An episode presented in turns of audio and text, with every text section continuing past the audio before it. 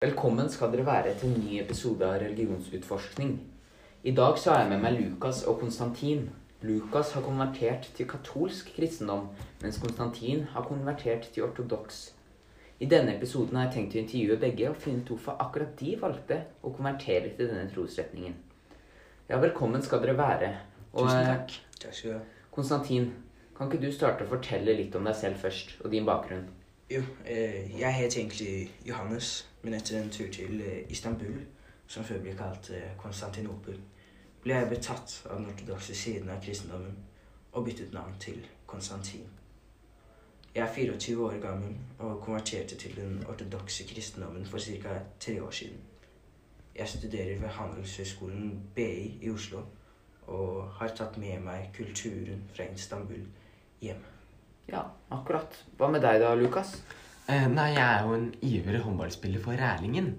Og akkurat nå så går jeg på idrettshøyskolen i eh, Oslo siden jeg skal utdanne meg til å bli gymlærer.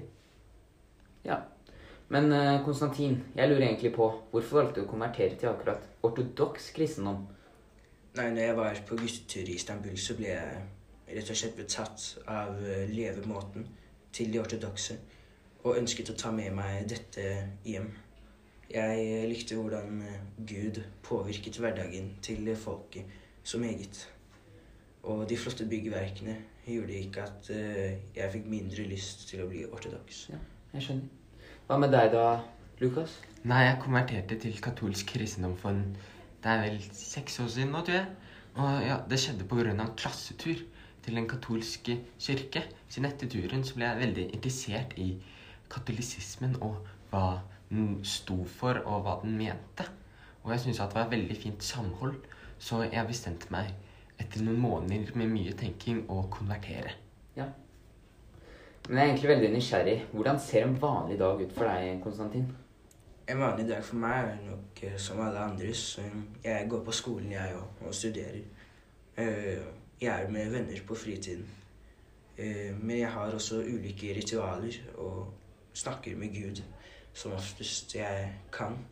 Og jeg er også medlem av eh, Maria bebudelseskirke i Oslo. Hvordan ser en vanlig dag ut for deg da, Lukas? Nei, den ser jo ganske vanlig ut.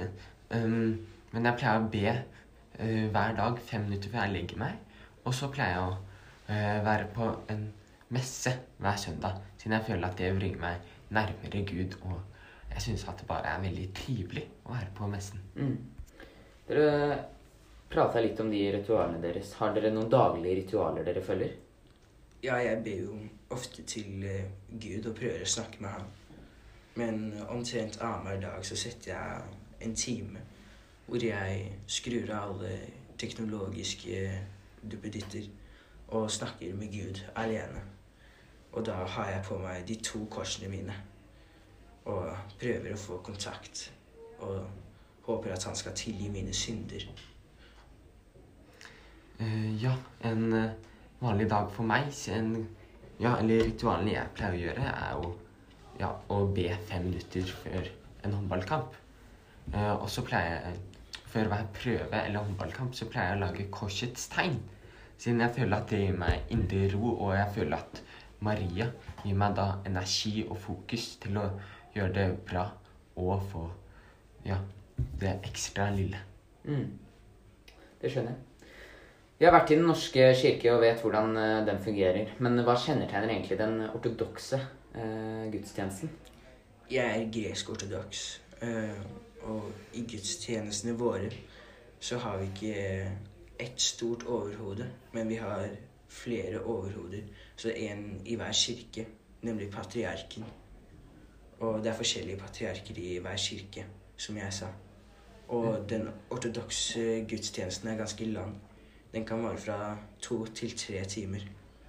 Og den består av mye sang og lite lys. Mm. Og de viktigste sakramentene våre, da, det er jo dåp og nattverden.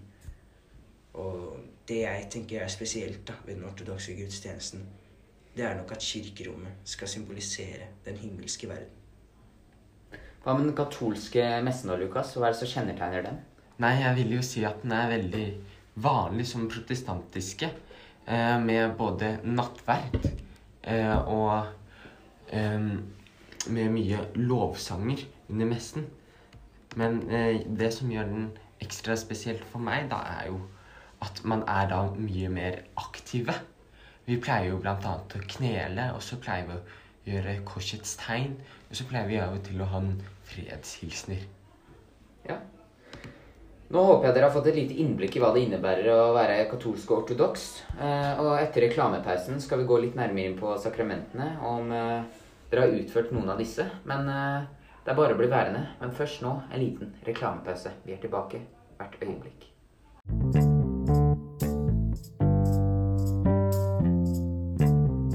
Velkommen skal dere være tilbake, kjære lyttere. Og Konstantin, jeg lurer på, hvilke sakramenter har du utført? Ja, eh, jeg er ofte med under nattverden, også kalt eukaristi. Eh, Jeg syns at dette er fantastisk flott eh, Et fantastisk flott sakrament. da. Jeg skulle også ønske jeg hadde konfirmert meg, hvilket jeg ikke har. Og så syns jeg dåpen kan være helt fryktelig fin. Mm. Er det noen sakramenter du liker bedre enn andre? Ja, nattverden er jo utrolig fin. Og det samme med dåp, som jeg sa. Eh, Mm. Helt vanvittig flott. Lukas, da? Eh, hvilke sakramenter har du utført? Eh, nei, jeg har jo døpt meg i en voksen alder siden jeg konverterte. Og så har jeg fermet, eller sånn eh, de som ikke er katolske ville sagt, konfirmert. Eh, og så driver jeg på med eh, nattverd og går til skrifte. Og så har jeg vært så heldig å ha hatt muligheten til å salve syke. Mm. Er det noen sakramenter du liker bedre enn andre?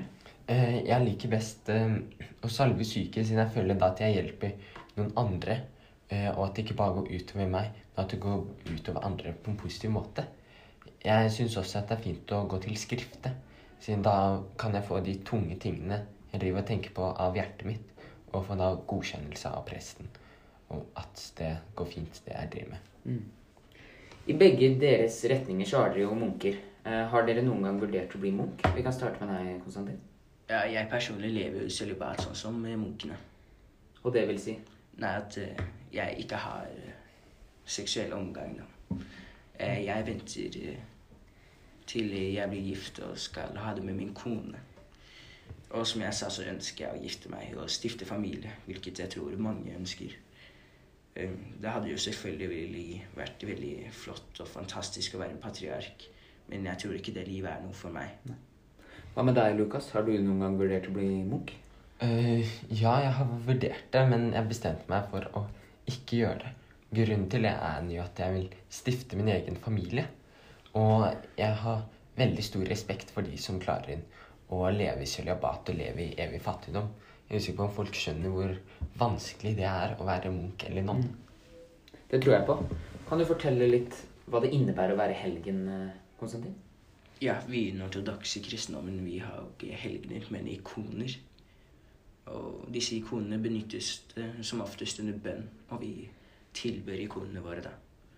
Eh, man har som oftest disse ikonene i hjemmet sitt til når man skal be. Og en kjent ikon i den ortodokse kristendommen er jo Jomfru Maria. Kan ikke du fortelle litt hva det innebærer å være helgen, Konstantin, siden dere har det i den katolske retningen? Eh, nei, en helgen er jo hellige menn og kvinner.